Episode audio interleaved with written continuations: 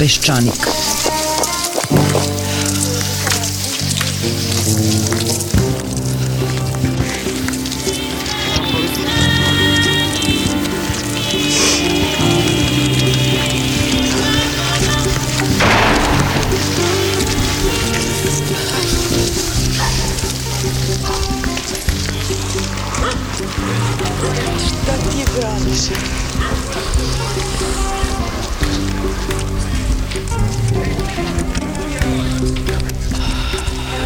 Peščanik.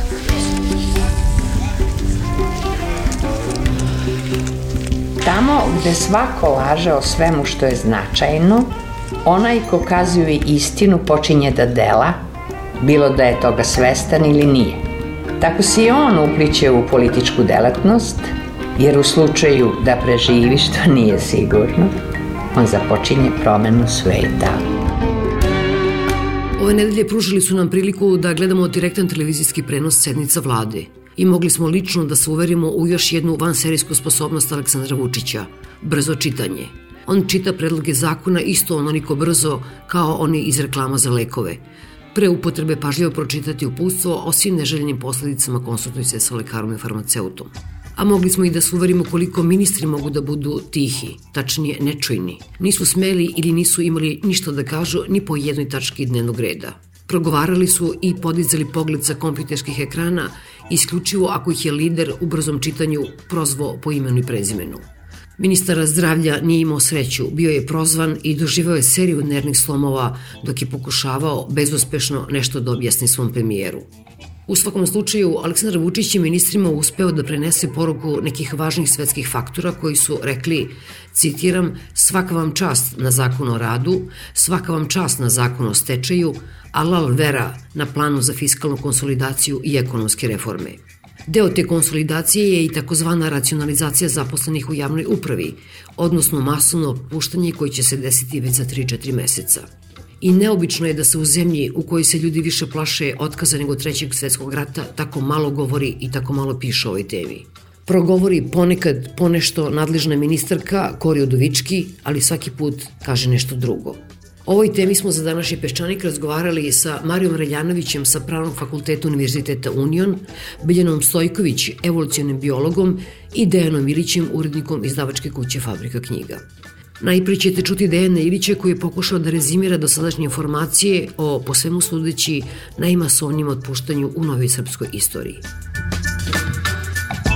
I negde recimo čitava priča počinje već tamo negde krajem oktobra 2014 gde imamo vest da je Međunarodni monetarni fond tražio da se otpusti 95.000 ljudi iz javnog sektora. I to u naredne tri godine i to tako što bi 2015. taj broj zaposlenih trebalo da se smanje za 25.000, a 2016. i 2017. za 35, za po 35.000. I tada se izlazi sa pretpostavkom da u toj javnoj upravi radi 550.000 ljudi i onda imamo neku procenu da ne bi smelo da se otpusti više od 50.000 ljudi ako treba da se zadovolje nekakvi minimumi za funkcionisanje javnog sektora ili javne uprave. Pritom sad, ako bi ti mene pitala šta je javni sektor, šta je javna uprava, ja ne znam. Mislim da je manji problem što ja ne znam. Mislim kad bismo njih pitali da ni oni ne bi znali.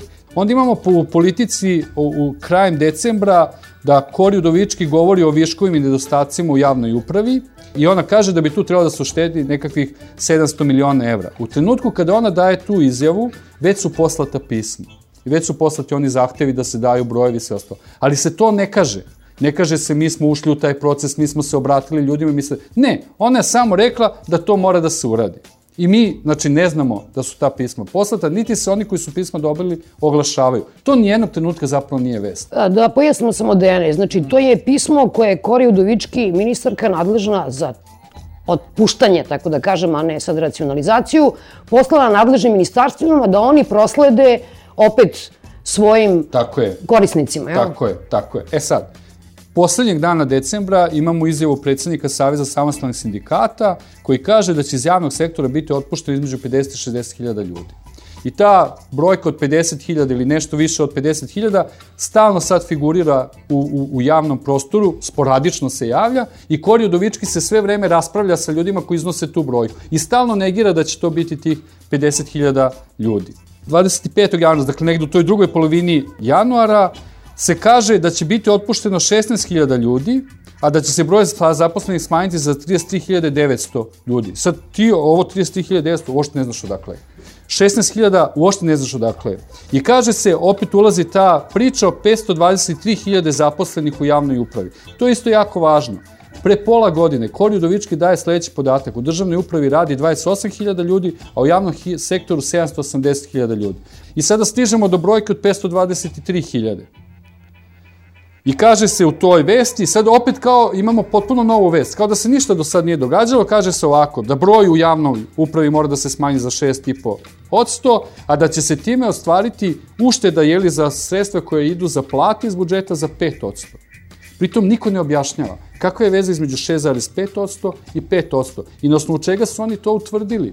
Ako vi ne znate koji je tačan broj ljudi zaposlenih u javnom sektoru, ne samo što ne znate koji je tačan broj ljudi, nego ako vi ne znate šta je javni sektor, jer taj javni sektor od informacije do informacije menja svoj obim i menja svoje značenje, kako ste došli do ove računice da ako otpustite 6,5% ljudi, ostvarujete uštedu od 5%. Dakle, potpuno neverovatno objašnjenje i niko nema potrebu da sad da neke dodatne informacije i da kaže evo to je zbog toga i toga. Jako je zanimljivo recimo da se posljednjeg ili pretpost tamo pred kraj januara Kori Udovički sastaje sa pokrajinskom vladom i tu odjednom dobijamo informaciju da u javnom sektoru radi 440.000 ljudi. A u Vojvodini radi 1046 u javnom sektoru. Sad, tu Bojan Pajtić naravno poentira i kaže, pa evo, mi smo to već uradili, a vidite u ostatku Srbije to 440.000 ljudi, ali to je sad daleko manja, gotovo za pola manja cifra od one od koje smo pošli. E sad imamo da će zaposlenih u javnoj, to je sad već početak februara, zaposlenih u javnoj upravi ima u stvari 530.000, to je vest, a bez plate će ostati 26.500 ljudi. Ova cifra 26.500 je najbliže onome što imamo već u tom zahtevu Međunarodnog monetarnog fonda, tih 25.000 i sad postoje razne sad tu spekulacije. Koliko tih ljudi je ljudi koji će otići u penziju, a koliko će ljudi zaista ostati bez posla. To je sad važno. Naravno, u toj prvoj polovini februara, mi na, sve vreme zapravo mi ne znamo ko je dobio pismo, ko je obuhvaćen tom racionalizacijom. Ali se iznenada, iznebuha javlja Savet Univerziteta u Beogradu, koji kaže u toj prvoj polovini februara visoko obrazovanje mora biti izuzeto iz racionalizacije. I isto vreme imamo a, sindikate škola koji kažu mi hoćemo da budemo izuzeti iz tog procesa racionalizacije. A da mi nemamo vest uošte da su oni to dobili. Jer nama se sve vreme govori o državnoj upravi i lokalnoj samoupravi. I sad, pretpostavljam da se tu računa na onaj standardni bes ljudi, jeli, protiv obično je taj bes usmeren ka šalterskim, jeli, činovnicima i sve, i sad ljudi kažu, evo njih ćemo. I onda ljudi kažu, ako i treba, oni nas maltretiraju. A zapravo ne. Zapravo se očigledno pokazuje da će biti otpušteni ljudi iz škola, da će morati univerziteti da sprovedu tu racionalizaciju, da će biti otpušteni ljudi iz zdravstvenih ustanova. Dakle, to je sad jedna mnogo ozbiljnija priča od ove priče koju bismo svi vrlo lako prihvatili da racionalizacija treba da se obavi. Negde u januaru Kori Udovički će reći, bit će otpušteno između 7 i 15 hiljada ljudi. Međutim, sad, u 2015. imamo podatak da će biti otpušteno 16 hiljada ljudi. I sad opet imamo podatak, u javnoj upravi ima 510.000 zaposlenih. Znači, to je polovina februara. Znači, ja govorim o podacima koji variraju u pola godine. I dobijamo ih praktično iz istog izvora.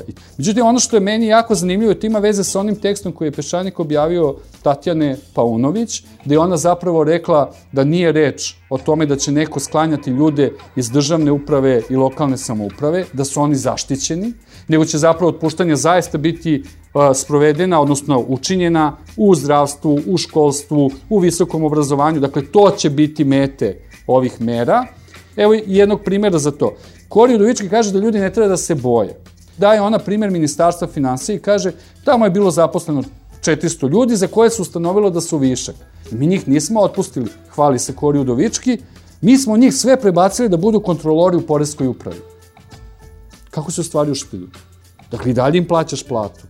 Ja mislim da je to neka njihova igra sa Međunarodnim monetarnim fondom. Oni Međunarodnom monetarnom fondu predstave da nešto rade, da se trude da ne urede zapravo ništa, ili bar ne da ne naštete onim ljudima koji su im važni iz stranačkih razloga, iz poslušničkih razloga ili bilo kojih drugih razloga, a da udare tamo gde su ljudi slabi. A naravno da su slabi u školstvu, naravno da su slabi u zastavnim ustanovama, naravno da su slabi na neki način u visokom obrazovanju. Sve je u ovoj priči nejasno, ali baš sve. I tu sad imamo problem da razumemo šta je uopšte javna uprava, šta je državna uprava, šta je javni sektor, šta su službe, a šta je javna preduzeća. U svakoj vesti se na drugi način formuliše ko će biti i kako otpušten. Druga stvar koja je potpuno izvesna, to je da se ne zna tačan broj zaposlenih i dalje u tom javnom sektoru, kako god da ga nazovemo, i kao što sam rekao, ono osciluje od 440 do 800 hiljada ljudi. To je ogromna razlika. Kako utvrđuješ 5% ili 6,5% na nešto što ne znaš koliko uopšte toga ima? Ti si potpuno, znači to je takođe prostor za manipulaciju. Treći prostor za koji se vidi da nije potpuno jasan, broj ljudi koji su treba da budu otpušteni, dakle ne oni koji će otići u penziju, nego zaista otpušteni, varira od 7 do 16 hiljada. Pritom se naravno pričutkuje da je to samo u ovoj godini. Ako će u svakoj godini u naredne tri godine biti otpušten taj broj ljudi, a izgleda da će biti, jer mora tako da bude, jer je tako odlučeno, onda je to najmanje 50.000 ljudi koji će biti otpušteni. Pritom ne vidim zašto je onda Kori Udovički uporno demantovala, da bi se na kraju čak i pojavila vest da će 50.000 ljudi zaista biti otpušteno u naredne tri godine. Imamo takođe taj primer sa, sa prosvetnim radnicima, sa ljudima jeli, koji rade u školama, sa ljudima koji rade na univerzitetu. Svi su rekli da hoće da budu izuzeti iz tog procesa. Ono što sam ja saznao, svi su već podneli spiskove ljudi koji će biti otpušteni. Dakle, taj univerzitet, čiji je senat rekao mi nećemo to da uradimo sa svim onim razlozima, mi se ne finansiramo samo iz budžeta, mi deo prihoda ostvarujemo samostalno, utoliko na, za nas ne može ovo da važi. Dakle, čak i oni koji su tako čvrsto izašli sprem vlade, su već poslali spiskovi ljudi koji će biti otpušteni. Dakle, taj proces je već završen. Danas imamo poslednju vest, kaže se da će vlada Srbije otpustiti, i sad je nova brojka, 10.800 ljudi. Ja mislim da smo mi prisustvovali jednom po a to, to je u skladu sa svime što radi ova vlada, jednom pozorištu. To pozorište je delom bilo namenjeno domaćim građanima, delom je bilo namenjeno ljudima jeli, s polja, koji, su, koji imaju kapacitet da ucenjuju ovu vladu. Naravno da bi trebalo da se jeli, sprovede neka vrsta sređivanja tog sektora, ali po svemu kako su stvari postavljene, ja mislim da će to biti nov prostor za zloupotrebi. S jedne strane, oni će izaći u susret ljudima koji ih ucenjuju, s druge strane će tako i objasniti građanima ovde, pa mi smo to morali da uradimo, a s treće strane će to zloupotrebiti da otpuste ljude koji im nisu po volji, da eventualno naprave prostor da zaposle ljude kojima su po volji, dakle da učvrste vlastitu moć na jedan nelegitiman način i način na koji će zapravo na duže staze ponovo štetiti ovom društvu. Da, da, najčešće se govori u tim terminima i zato ćemo Marija da zamolimo da proba da nam razgraniči šta je to javna uprava, šta je državna uprava, šta je državna administracija, ali ono u svakom slučaju što su izbjegavali da govore, to je takozvana racionalizacija ili otpuštanja u školstvu i u zdravstvu, znaju da su ljudi osetljivi na to relativno. Međutim, i onaj, taj čuveni savet za sprovođenje te racionalizacije, vi vidite tu sedi ministar obrazovanja, da sedi ministar zdravlja i onda kao i kebana lepi ministar sporta koji se ne zna zašto je tu. Jel? I vi vidite naravno da će oni biti glavni akteri u ovoj priči o takozvanoj racionalizaciji. Mario, najpre, da li je ovo slučajna zabuna koja se unosi sa tim različitim pojmovima? Možeš ti malo nama da razgraničeš šta je tu šta? Probat ću da razgraničim. Ovaj, kao što je Dejan rekao, verovatno je zabuna delimično slučajna a delimično namerna. Um, pominju se u principu tri termina, državna uprava, javni sektor, javna uprava. Um, sva tri su veoma različita po sadržini, ali ono što je karakteristično za njih je da nisu neuhvatljivi su za sada za propise. Dakle, osim državne uprave, a, ni jedan drugi termin nije, nije definisan ni jednim propisom. Um, javna uprava se pominje samo u strategiji uh, reforme javne uprave koja je doneta u januaru prošle godine. Pre toga javna uprava kao termin nije postojala. Um, državna uprava, to je ono što je najlakše definisati.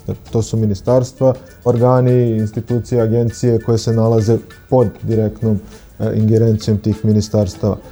Međutim, kada kažemo javna uprava, uh, u principu se pod time podrazumeva i E, nešto više od toga e, i to su delimično one e, institucije koje su pominjane u različitim ovim izjavama koje Dejan sada ovaj, citirao.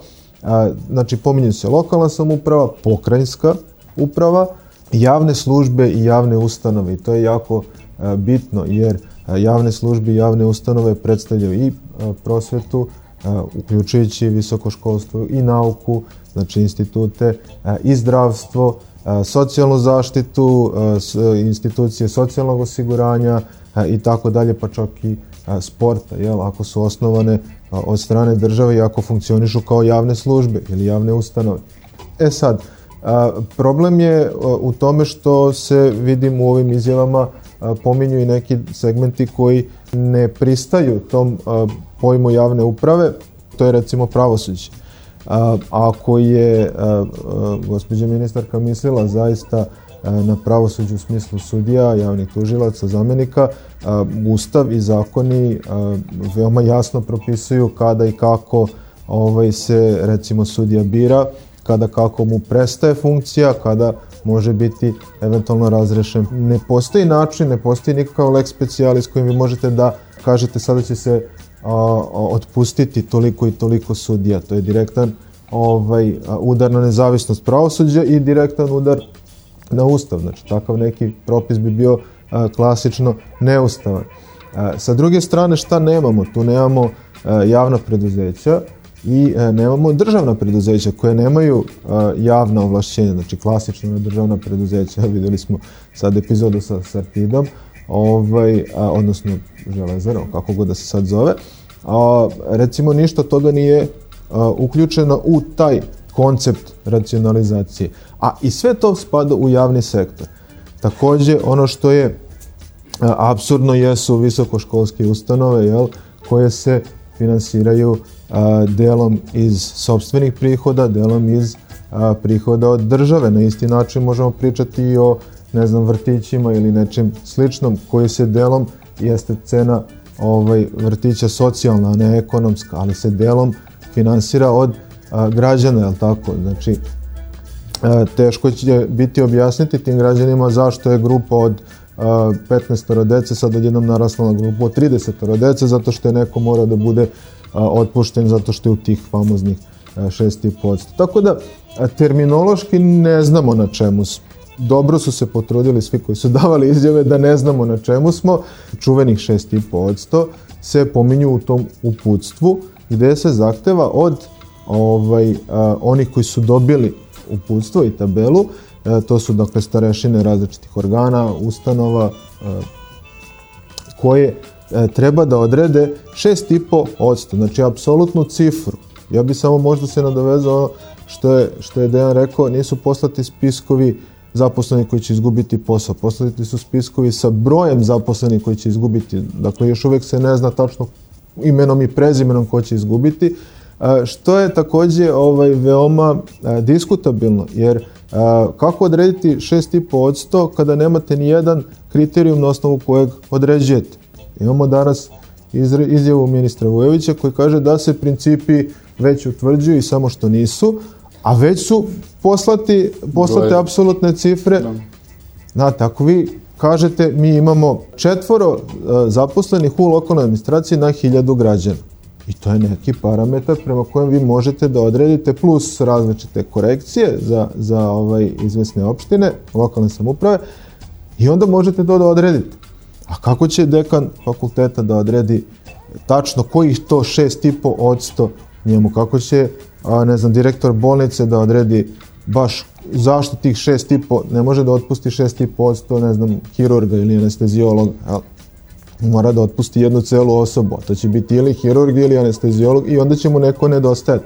Po kom kriterijumu će on ovaj to uraditi. Tako da nam nedostaju svi ti kriterijumi, a opet čini se na osnovu informacija koje imamo, koji nisu jel, potpune, da se to zaista radi, da su te apsolutne cifre, da su tabele popunjene i apsolutne cifre su već poslat. Druga stvar, 6,5% linearno je, znate, to je kao kad sebi pucate u nogu.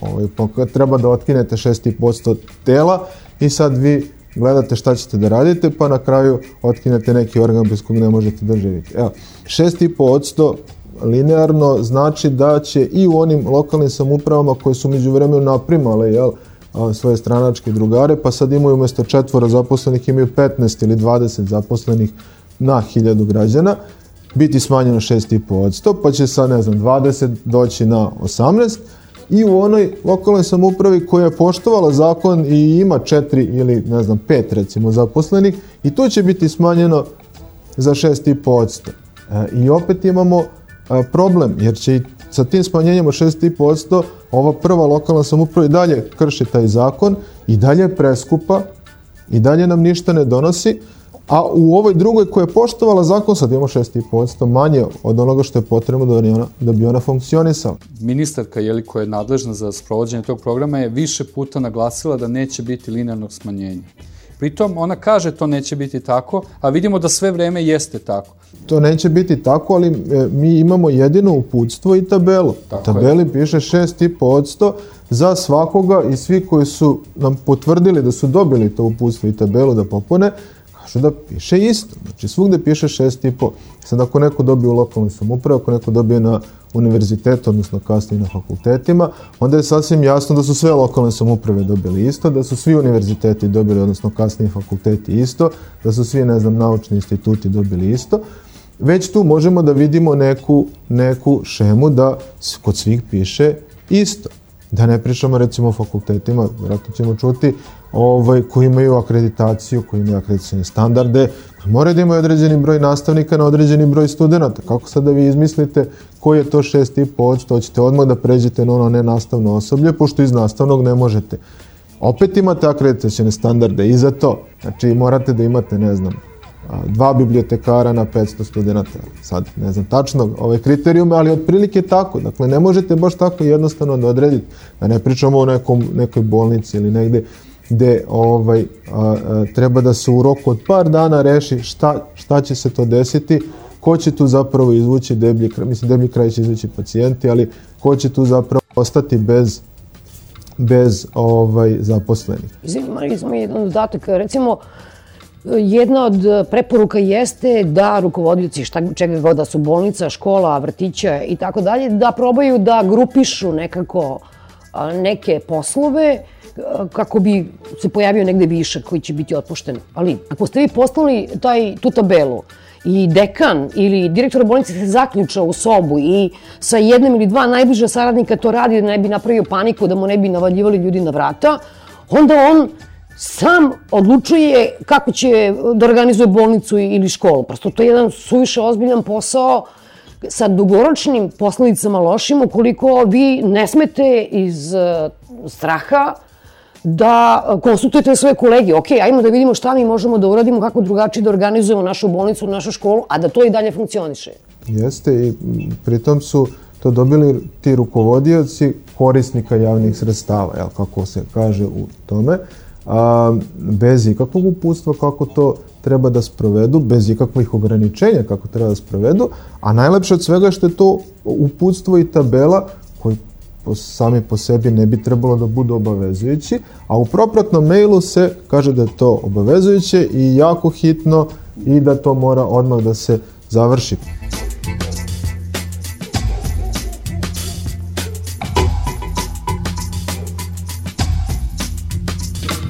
Oni kažu da će neki ljudi otići u penzije, dakle neće biti otpušteni. Ako vi morate da otpustite, otpustite 25.000 ljudi, od tih 25.000 do 10.000 će otići u penziju, eto nećemo otpuštati. Ljudi koji odlaze u penziju, njihova radna mesta ostaju upražnjena. Dakle, ako vama neki, na primjer, lekar ili nastavnik ili profesor ode u penziju, neko mora da dođe na njegovo mesto.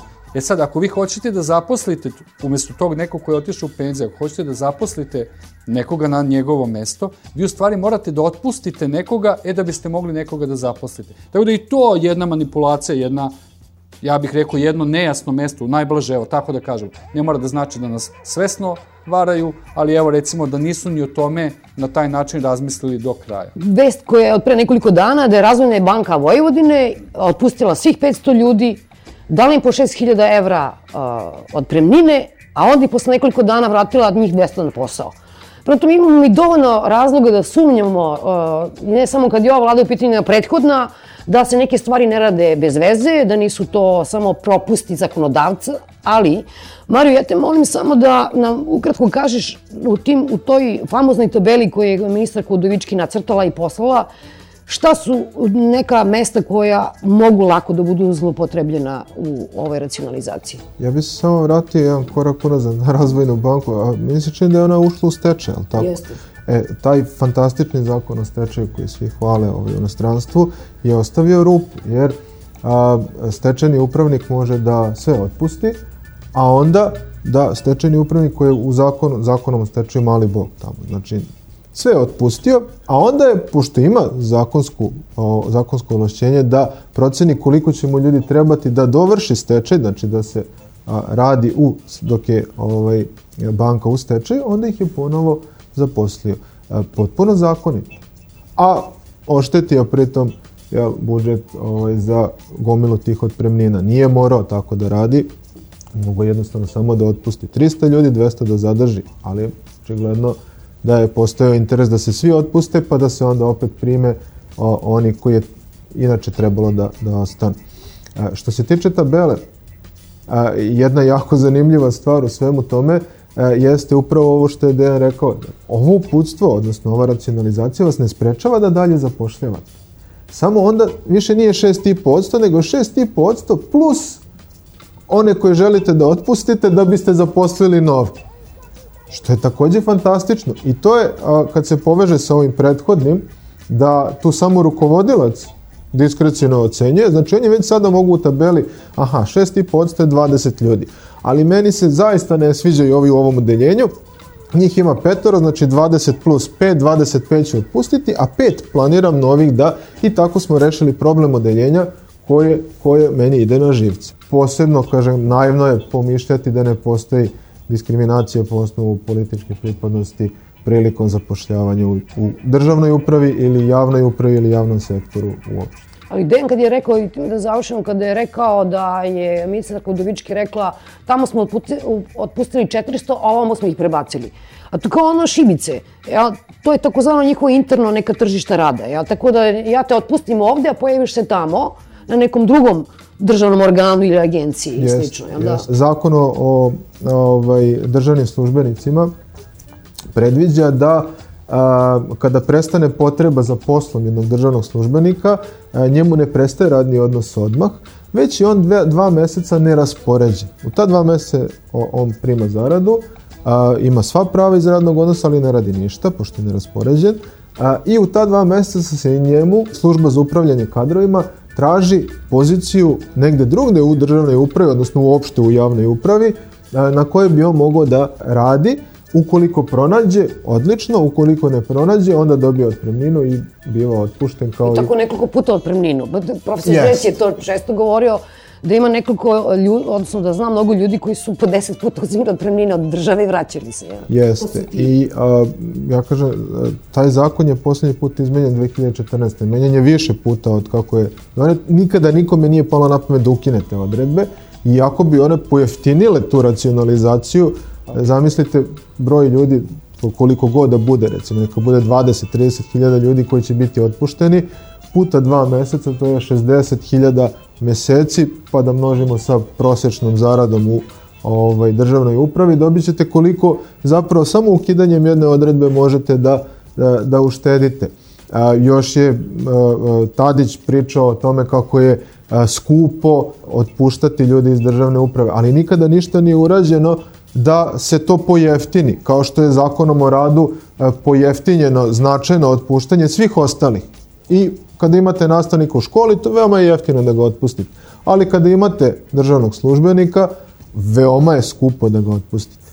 Zaista je problem veliki. Ono što je meni u stvari bilo jedna dobra informacija koju sam čula prošle nedelje, to je da su dekani univerzit, fakulteta, bar fakulteta na studenskom trgu koji su fundamentalno naučni, u stvari su ignorisali priču tabele od 6,5%, znači ne znam kompletno koliki je to broj fakulteta, te su poslali rektoratu jednu odluku da je to apsolutno neprimenjivo na fakultete, bar na te fakultete koji su učestvovali u pisanju uh, tog dokumenta. Dakle, za sada, bar određen broj fakulteta se obratio uh, rektoratu jednim pismom. Šta će biti sa tim pismom? Naravno, to niko ne može da zna. Prvo, da li će rektor uopšte to uputiti E, ministru, da li će se usuditi, videli smo da do sada se nije baš ponašao onako kako je univerzitet hteo, vezano za plagijate Dakle, to je zaista jedna bila uh, absurdna situacija gde je na Senatu svaki dekan svakog fakulteta u Univerzitetu u Beogradu se opredeljuje za to da se plagijati ispitaju i zapravo uh, rektor proglašava uh, Univerzitet Senat nenadležnim da se, da se u to upuste. Ne znamo ni sada šta će biti sa ovim pismom, ali eto, to jeste jedna informacija. Ja ne znam koliko je fakulteta tu, znam za neke, da jesu pisali uh, to rektoratu i da su do sada ignorisali tabelu. Problem stvarno jeste, i tu se vrtimo u krug sa zakonima, pravilnicima koji potiru jedni druge, koji su potpuno kontradiktorni, jer to jeste u, u ovom tekstu uh, Paunović vrlo dobro naglašeno. Dakle, vi ne možete, imate zakon o akreditaciji, ili je to pravilnik o akreditaciji, zaista ne znam kako se to zove tačno, koji je to nivo tog pravnog akta, gde vi, da biste akreditovali jedan studijski program, vi morate da imate određeni broj nastavnika i saradnika u nastavi. To je naravno minimalan neki broj koji vi možete, vi morate da imate.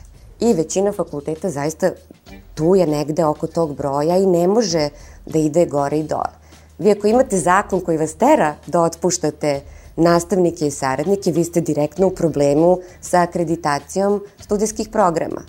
To je zapravo jedna e, kvaka 22 koja je ovde zaista u problem. Znači, ne možete vi da, da, da rešite problem kada vam se zakonski akti međusobno potiru i kada su među, u međusobnoj kontradikciji, ogromnoj kontradikciji. Dalje, na univerzitetu, osim redovnih profesora, niko nije stalno zaposlen. Dakle, svi, su, svi se biraju na određeni period za nastavnike od docenta do redovnog profesora, to je period za pet godina. Vi morate da zadovoljite određeni kriterijum, konkursi se raspisuju i vi ste zapravo uposlenik tokom pet godina da bi se onda ponovo čekirali, da bi vas proverili da li ste zadovoljili kriterijume za reizbor ili za izbor u više zvanje. Ja ne znam kako se onda nastavnici fakulteta uklapaju u ovu priču jer tu niko nije stalno zaposlen, osim e, kažem, redovnih profesora. Odlično, lako će se... Lako će. Da. Ali onda smo u koliziji sa uh, akreditacijonim aktom i onda ne znamo kako ćemo rešiti taj problem. Vrlo često su situacije, posebno malim fakultetima, da vi zapravo imate jednog nastavnika na jednom predmetu.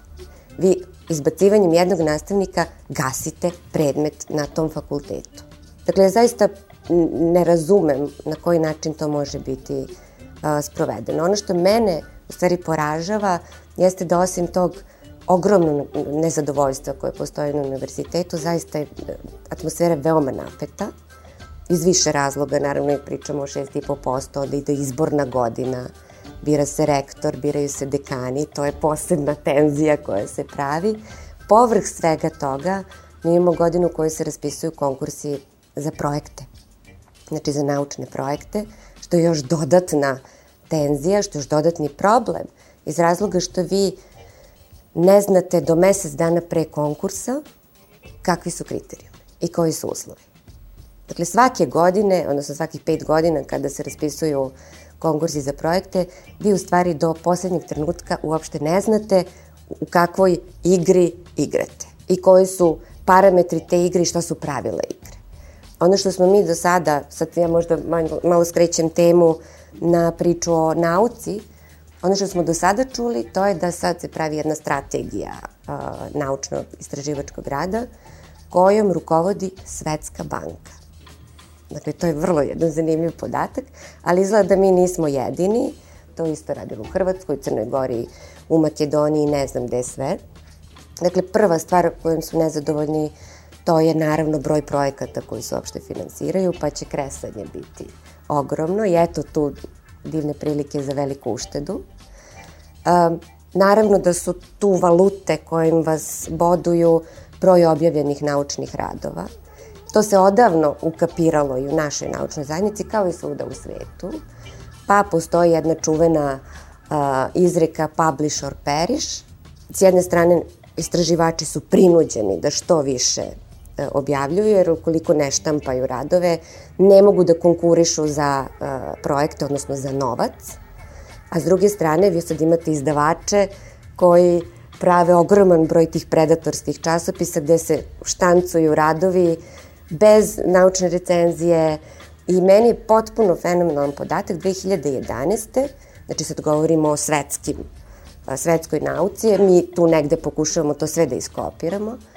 2011. je bilo o, pronađeno 18 predatorskih časopisa, 2014. 477. Dakle, tu se prosto vidi da je u pitanju čist uh, biznis. Mario, da li na osnovu svega onoga što si mogao da pročitaš iz tabele, a i posle toga, možeš da kažeš jasno sebi da li oni znaju šta rade ili nekako se snalaze u hodu i kakve su realne uštede, kakve bi mogle realne uštede da se očekuju? Pa ja bih rekao da je ovo jedna prilično iracionalna racionalizacija, jer mi nemamo a, apsolutne cifre. Znači, ni broj zaposlenih, ni broj koji će biti otpušten, koliko će nas to koštati, kakve će biti tačno a, uštede, koliko ćemo ljudi morati da primimo da bi zamenili one koji odlaze tim ovaj, prirodnim odlivom, da ne pominjem kriterijume i sve ono što smo pričali, bez svega toga a, mi otvaramo prostor za, za zloupotrebe, tako? I što je najgore od svega, čini mi se da je veoma neizvesno kako će biti finansijski efekt svega toga. Umesto da ovu uslovno rečeno krizu smatramo kao priliku da nešto konkretno uradimo u državnoj upravi, da napravimo nešto što zaista funkcioniše malo bolje, jer je sasvim očigledno da percepcija državne uprave i javne uprave u celini nije baš najbolja. Mi idemo drugim onim zaobilaznim putem, je tako, da što manje transparentno, što više onako nečujno, tiho, bez nekog većeg otpora, ja se radujem što čujem da negde ima ovaj, nekog otpora, tihog otpora, tihog otpora. Ovaj, da se to odradi tako kako će se odraditi, to ćemo ovaj, odraditi ovde tiho, pompezno predstaviti MMF-u kao veliki uspeh, a racionalizacijom nismo uradili ništa racionalno. Meni se čini da, da to vuče na, na tako nešto. Mene u stvari to je celoj stvari sikira, ja opet moram da se vratim na priču o kolektivnom dobru. Ta potpuna nesvest o tome šta je važno za jedno društvo. Ako hoćeš da menjaš društvo, da ga učiniš boljim, ti moraš da razmišljaš o strategiji kako ćeš to da uradiš. Ne pričamo sada ni o novcu, pričamo o tome koje su to oblasti društva koje ti moraš da unapređuješ. A ovde postoji apsolutna nesvest o tome. I to je ta uh, omražena priča kolektivno i društveno dobro koju su nama ogadili zbog komunizma i jeli nakon uh, cele te stvari pada komunizma. Sada mi svi po defaultu treba da mrzimo sve što je vezano za taj jedan ideološki koncept koji je, ajde, ja mogu biti pristrasna, ali zapravo koncept koji vodi računa upravo o jednom društvu. Nemamo ni iskre bilo kakvih pobuna. Ja se sećam 90-ih, ja sam krajem 90-ih se i zaposlila na univerzitetu, ali postao je taj bunt, taj osjećaj da treba nešto da se menja. Sada toga više nema, zato što smo svedeni na pojedinca i svako gleda samo sebe. Bunt može biti isključivo tihi bunt, na univerzitetu imamo ogroman broj profesora koji su se povezali i umrežili sa vlašću ili ovom ili prethodnom, nije ni važno. Nikome od njih nije u interesu da se menja. Naravno, ja i dalje verujem da većini jeste, ali ne postoji način, ne postoji iskra koja bi, koja bi sve to organizovala i zato će nam tako i biti. Zato nema ni veze kome će se budžeti uskrećivati, da li će to biti zdravstveni radnici, da li će to biti nastavnici u školama, da li će to biti univerziteti, to je nešto što je potrebno društvu, a toga više nikog nije briga.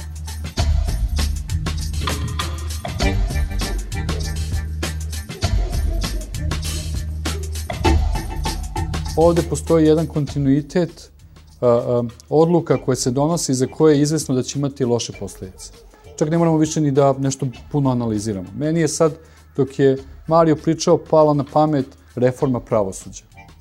U tu reformu pravosuđa se ušlo sa velikim najavama, a evo dan danas ne možemo da izađemo na kraj sa posledicama te reforme. Ja sam siguran da će ovo imati iste efekte. Ja moram citirati, jeli, ministarku Kori Udovički koja je rekla, kad bi objašnjavala ove reforme, rekla Dakle, citiram, država mora da bude servis građana, s čim se svi slažemo, nema nikakvih problema, i onda sad ključan deo, da košta manje i da se svede u one okvire koje možemo da plaćamo.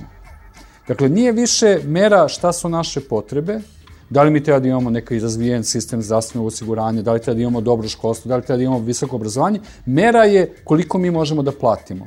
E sad, zašto mi možemo da platimo tako malo? To je ključno pitanje. Zašto možemo da platimo tako malo? Pa zato što imamo lošu vlast. Dakle, ako hoćemo nešto da promenimo, mi prvo treba promenimo vlast koja ovde ne može da stvori uslove da mi zarađujemo više, e kako bismo mogli više da platimo, e kako bismo imali bolje usluge. Nije tačno da društvo treba da se oblikuje prema onima koji su najlošiji i koji onda celo društvo vuku na dno i onda hoće da oblikuju društvo prema svojim sposobnostima. Dakle, ova vlast se pokazuje kao je nesposobna i onda ona još kaže, a sad ćemo i društvo da oblikujemo prema našoj nesposobnosti. Nema, nema kako drugačije se shvati. Dakle, da se svede u one okvire koje možemo da plaćamo. A što mi tako malo možemo da plaćamo? Jer možemo da radimo više? Možemo. Šta nam smeta? Pa smetaju nam loša zakonska rešenja, smeta nam loša vlast, smeta nam vlast koja ne poštuje zakon, smeta nam vlast koja gleda svaku priliku da iskoristi da bi napravila posao za sebe i svoje prijatelje. Zato ne možemo više. I zato što ne možemo više zbog toga, mi ćemo sad da razorimo školstvo, razorit ćemo visoko obrazovanje i razorit ćemo zdravstveno. To je ono što ja očekujem. Očekujem prosto da će biti razoreno, očekujem da će se desiti isto što se desilo sa sudstvom, očekujem da će oni takvi kakvi su to zloupotrebiti, jeli, da bi tu doveli, da bi se praktično instalirali kao što se jednom trenutku instalirao su instalirala Socialistička partija Srbije. Mi zapravo ne moramo da razmišljamo mnogo kako je Socialistička partija preživela 2000. prvu deceniju 2000. Ona je preživela tako što je instalirala u državnoj upravi, u javnoj upravi ili u tom javnom sektoru, instalirala svoje ljude.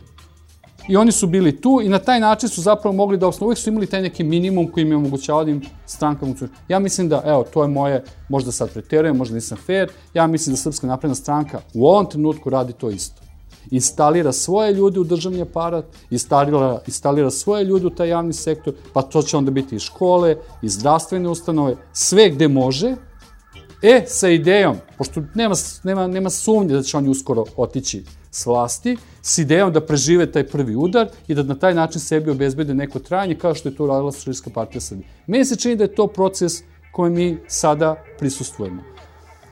I sad, mi možemo da kažemo, ajmo sad, uštedećemo, pokrenut ćemo privredu, porašće naša sposobnost da plaćamo, dakle da izdvajamo, da plaćamo poreze, onda će biti budžet već i onda ćemo obnoviti sve ove usluge.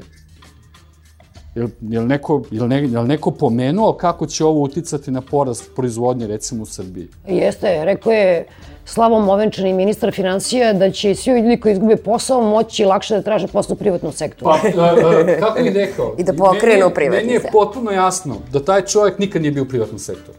Pa dobro, i premijer nam nikad nije radio. Tako je, ako on to izgovara, on njemu je potpuno jasno Kako da on... nije radio, radio gvožđari u, u Londonu. E, dakle, to da će on, da će privatni sektor biti u stanju da primi sve te ljude, Ja ne znam, to dete, dete ne može da izgovori. Mi smo u ovim emisijama, jeli na Peščaniku, slušali kako je taj sektor uništen i koliko je firmi zatvoreno, koliko je preduzeća zatvoreno i s kojim problemima posluju oni koji još uvijek nisu zatvoreni. Ja mislim da je to, kako bih rekao, to je u neskladu i sa onim što sami sama vlast radi. Ova vlast želi da se dogovara samo sa nosiocima, da to tako kažemo, krupnog kapitala. I njih zanimaju samo velike firme, po mogućstvu strane, po mogućstvu one s kojima se dogovaraju i sklapaju ugovore mimo zakona i ustava ove zemlje, jer su ti ugovori iznad ustava i zakona, kako nam to oni objasne ovaj, lepo. Dakle, to je u njihovom interesu, to oni hoće. Znači, oni, ja pretpostavljam da je to onda bila ideja, da je to poruka. Mi ćemo da otpustimo ove ljude, onda ćemo da dovedemo neku stranu firmu koja će iz nekog razloga da dođe ovde da posluje i onda ćemo da isporučimo te ljude kao jeftinu radnu snagu i tako ćemo da rešimo problem. Ja mislim da je to jedino tako mogu da razumem. Evo sad kad nagađamo, šta, šta ja u stvari mislim da će se dogoditi? Mislim da će se dogoditi ovo što je Mario rekao. Kao otpustit ćemo i kao vratit ćemo i, i kao neće biti ništa. I zato ja mislim da je sav ovaj nered, da je sav ovaj haos i oko termina i oko brojeva i oko svega, da su tu nesrećnici, neki će ostati bez posla. Mislim da će zaista školstvo i zdravstvo da budu na najvećem udaru. Ja bih volao da sindikati školski ti stvarno i sve snage pruže otpor.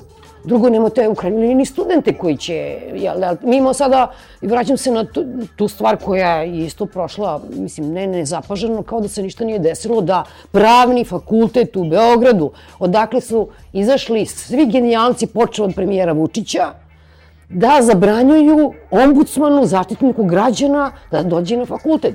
A to je nepojavno. I ako studenti ili kolege tamo ne mogu da pruže otpor za tako jednu stvar koja je ipak eklatantna, onda tek će čuvati svoje radno mesto ili svoju platu i gledati da to prođe kao neka poplava, pa kad prođe, uhvati se za prvo stablo na koje možeš, pa kad prođe poplava, onda ćemo nekako da vidimo dalje. Mogu ja tu sad vezano za, za priču o studentima. Ja sam stvarno toliko očajna da bih radije otišla u šumu sada i da tamo živim, upravo iz tog razloga. Znači tu opet te iskre apsolutno nema, opet se studenti samo brinu da li će dobiti ovaj bod na kolokvijumu, da li su prešli predispitne obaveze, to je jedino važno. Naravno ne govorim o onim koji su ekstra i takvih uvek ima, ali negde taj prosek, ta želja za znanjem, je užasno, užasno opala i to je nešto što je zaista potresno i vrlo frustrirajuće i vi ne možete više, ne znate više šta biste preduzeli da a, tu situaciju okrenete. To je potpuno neverovatno i ja prosto mislim da je to rezultat upravo ovoga. Svako je za sebe i svako treba da se, da se bori za sebe i da gleda sebe i da gleda kako će lakše da se provuče kroz sistem i to je sada opšti smer, usmerenje od obdaništa pa do, do kraja studija i kasnije u životu pronalaženja a, posla i ostalo. A, još, sam, još samo jednu stvar da, da dodam. Dakle, kad, kad sam pričala o, o kriterijumima za finansiranje naučnih projekata, naravno da treba da postoji jasan kriterijum Jer vi imate situaciju pre recimo 5 godina je bilo 7-8 hiljada istraživača u Srbiji U ovom poslednjem petogodišnjem projektnom periodu njih je 13 i po. Dakle, potpuno je nejasno po kom kriterijumu i na koji način se toliko uvećao taj broj. Znači, vrlo je jasno da je tu bilo raznoraznih stvari, tu su bili uvođeni tehnološki projekti, ovakvi projekti, onakvi projekti, tu se prosto natovarilo jako puno ljudi. Output tih ljudi je apsolutno nezadovoljavajući, sad ne pričam samo ni o publikacijama, nego na, na bilo koji način. I ta situacija bi morala da se reši jer prosto i ne znam zašto bi neko bio finansiran za nauku, da se tom naukom ni ne bavi, a toga je bilo.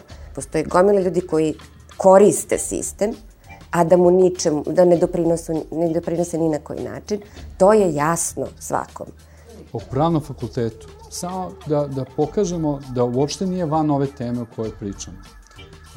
Dekan koji je zabranio tu, tu tribinu je rekao da je to pedagoški potez, da su to vaspitne mere. On će studentima da pokaže kako treba da se ponašaju. To su i preventivne mere, da ako neki drugi studenti dođu s nekom idejom koja je takođe neprihvatljiva, da oni vide da on može to da zabrani. Kako dekan razgovara sa studentima? Tako predsednik vlade razgovara sa svojim ministrima i sa građanima Srbije. Kako oni razgovaraju s nama, tako s njima razgovaraju ljudi iz Međunarodnog monetarnog fonda, Svetske banke i ostali. Dakle, to je isti obrazac. I, I ja mislim da taj dekan uopšte nije pogrešio što je on rekao da je to jedna vaspitna mera, pedagoška mera. On proizvodi ljude za ovaj sistem. On proizvodi građane za ovaj sistem. Nemate vi svoj glas. Vi predložite, a ja vam odobrim ili ne, u skladu s tim da li se to meni dopada ili ne. Naravno da studenti moraju da se pobude. Naravno da studenti moraju da mu kažu, čoveče, mi smo odrasle i zrele osobe. Nisi ti naš roditelj. Nisi ni razredni starešina ti s nama moraš da razgovaraš kao sa punopravnim odraslim građanima.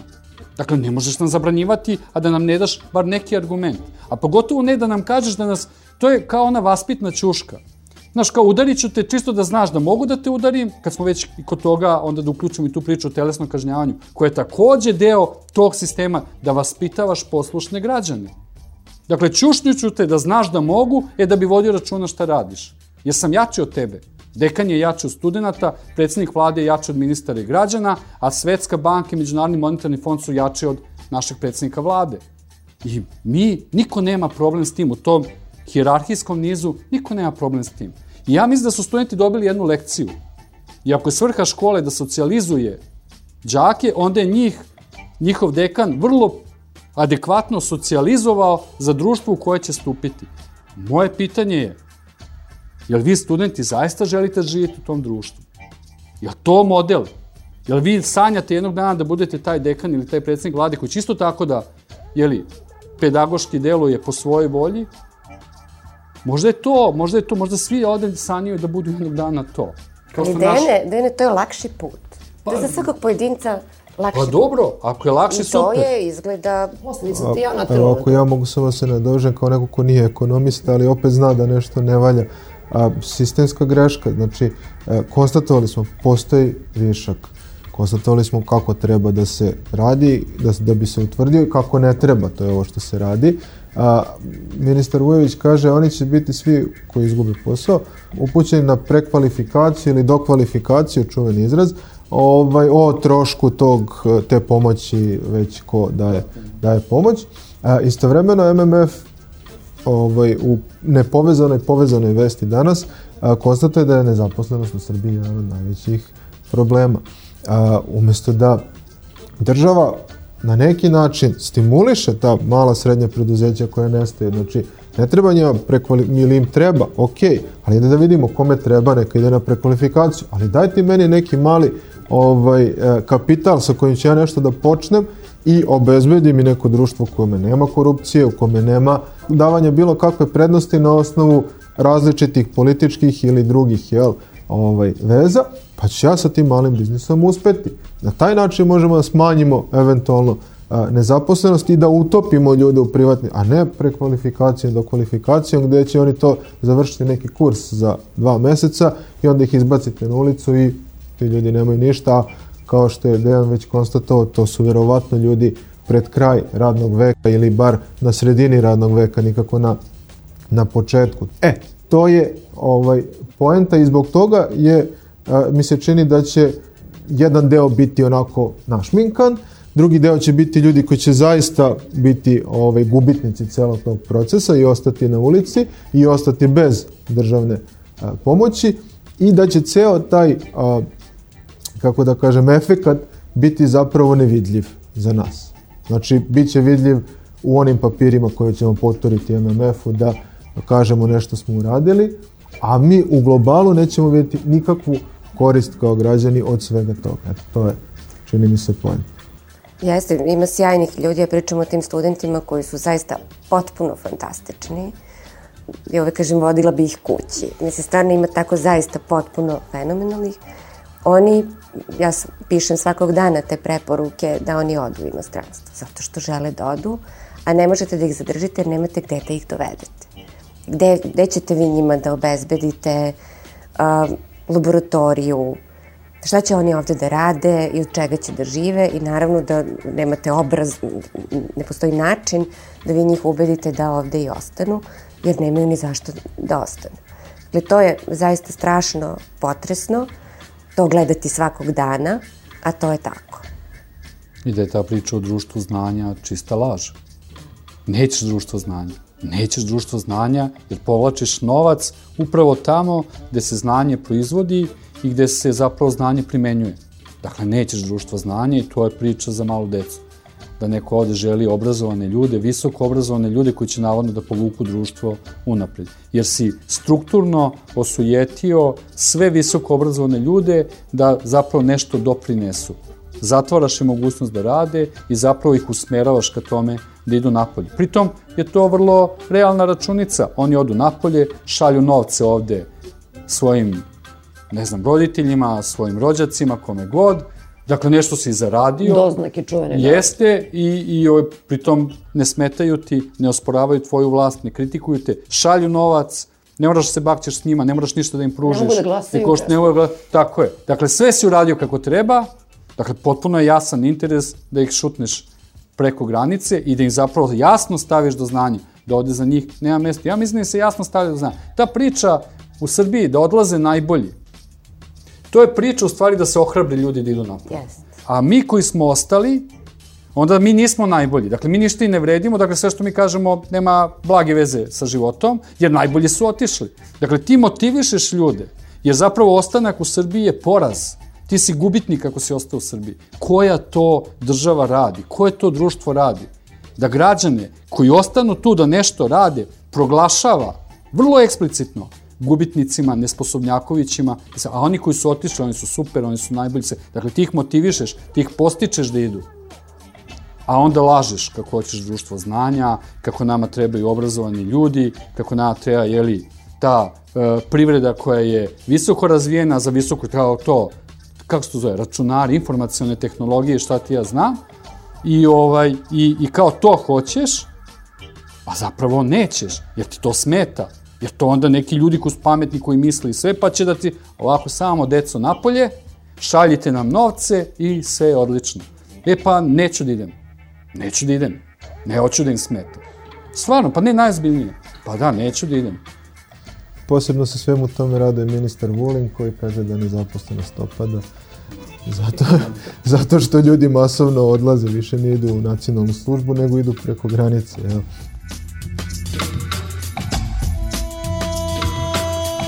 U današnjoj emisiji slušali ste Marija Reljanovića sa Pravnog fakulteta Univerziteta Union, Biljano Stojković, evolucionog biologa i Dejana Ilića, urednika u izdavačkoj kući Fabrika knjiga. Pozdravljuje vas Svetlana Vuković i Svetlana Lukić. Peščanik –